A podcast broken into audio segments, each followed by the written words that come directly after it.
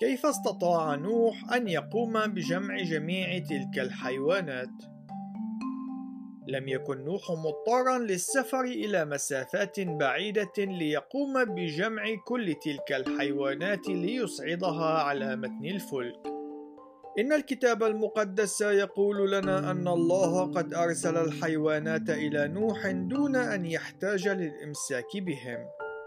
نقرأ في سفر التكوين في الإصحاح السادس في الآية عشرين اقتباس من الطيور بأصنافها ومن البهائم بأصنافها ومن جميع دواب الأرض بأصنافها. نهاية الاقتباس. إنه من الممكن أن يكون هذا الجمع أمرا معجزيا لكننا أيضا نرى سلوكيات حيوانية مثيرة للإعجاب في عالمنا المعاصر.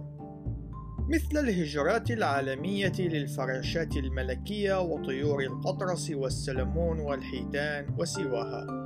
إضافة إلى أنشطة أخرى مثل الثبات الطويل والمعرفة بحدوث الزلازل.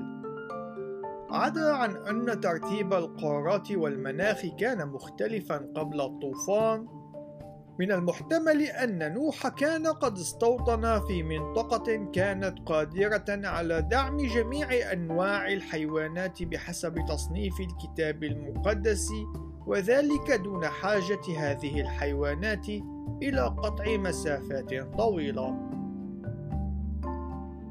إن التزايد في التنوع ضمن أنواع الحيوانات كان يمكن أن يحدث بعد الطوفان نتيجة لتزايد التباين بين البيئات والأنماط الإحيائية، إضافة إلى أن أفضل الظروف التي تسمح بالتنوع والانتواع الإحيائي السريع ترافق المجموعات الصغيرة المعزولة جغرافيًا، تمامًا كما هو الحال مع تلك التي انطلقت من جبال أرارات.